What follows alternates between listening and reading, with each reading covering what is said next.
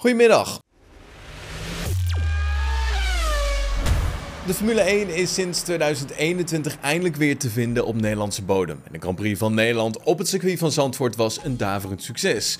Af en toe zingen er door de populariteit van Max Verstappen zelfs geluiden rond over een tweede race in Assen.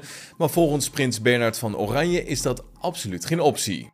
Ja, over iets minder dan een maand is het weer tijd voor de tweede editie in Nederland. Binnen de hype van de vorige race kwam Jos Vase, de voorzitter van de Dutch Grand Prix Foundation, naar buiten met het bericht dat er gekeken wordt naar een tweede race op Nederlandse bodem op het circuit in Assen. Ja, lange tijd is het rustig geweest omtrent dat nieuws. Prins Bernhard, de eigenaar van circuit Zandvoort, komt nu in Formule 1 magazine met nieuws voor de wensen uit Assen.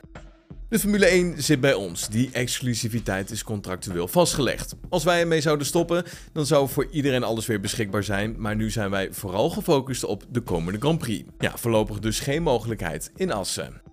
Ja, over een aantal weken keert de Formule 1 dus weer terug op Nederlandse bodem voor de tweede editie van de Grand Prix van Nederland. Een belangrijk moment bij het houden van de race is natuurlijk uh, ja, het volkslied vlak voor de start. Na Davina Michel in 2021 is er dit jaar een nieuwe artiest die het Wilhelmus mag zingen. De keuze is gevallen op Floor Jansen, de frontvrouw van metalband Nightwish. En de FIA wil dat de Formule 2 vanaf 2024 gebruik gaat maken van een motor die op duurzame brandstof loopt, zo weet Racefans te melden. Hiervoor heeft de Internationale Autosportbond een zogeheten tender uitgeschreven. Daarmee nodigen ze motorfabrikanten uit om zich in te schrijven als nieuwe leverancier van de krachtbronnen voor 2024 tot 2026. Voor de motor die vanaf 2024 in de Formule 2-auto zit, wil de FIA een mengsel met 55% bio-ethanol. Dit is echt het begin, want uiteindelijk willen ze op 100% duurzame brandstof gaan rijden.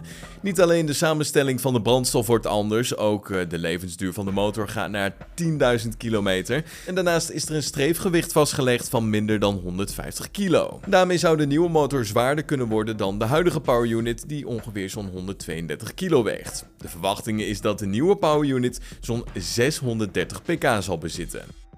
Ja, wie er nou volgend jaar in het stoeltje naast Esteban Ocon gaat plaatsnemen, dat is nog niet bekend. Daniel Ricciardo die zou met McLaren in gesprek zijn over het ontbinden van zijn contract. Dus daardoor toch best wel een grote kans hebben. Maar ook de naam van deze jongen ging rond, Pierre Gasly. Nou, dokter Helmut Marco wil een einde aan al die geruchten maken en geeft aan dat er geen ontsnappingsclausule aanwezig is in het contract van de Alfa Tauri-coureur. Zo zei hij bij Sport 1. En Max Verstappen hoopt dat Pirelli voor volgend seizoen met een iets betere band komt. De titelhouder erkent dat het rubber van de Italianen ten opzichte van vorig jaar wel iets beter is geworden, maar de Red Bull-coureur vindt het soms nog steeds lastig om de auto te roteren. Bij Formule 1 legt de Nederlander uit dat hij wel snapt dat het moeilijk is voor Pirelli om een band te creëren die aan iedereen zijn wensen voldoet. Ik denk dat het komt door het gewicht van de auto en de structuur van de banden en dat is niet ideaal. Maar daarom moeten we als team om dat probleem heen werken en proberen de auto wat beter te laten sturen. We zijn de auto aan het verbeteren, maar er zijn nog steeds beperkingen waar we mee te maken hebben. Je moet gewoon proberen om wat meer rotatie in de auto te krijgen. Natuurlijk zouden we de bochten nog beter kunnen aanvallen met sterkere voorbanden, maar aan de andere kant zorgt het gewicht voor een limiet en hoeveel je kunt winnen in de langzame bochten. Al dus, Max Verstappen.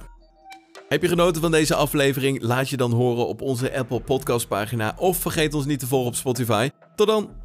Hoi.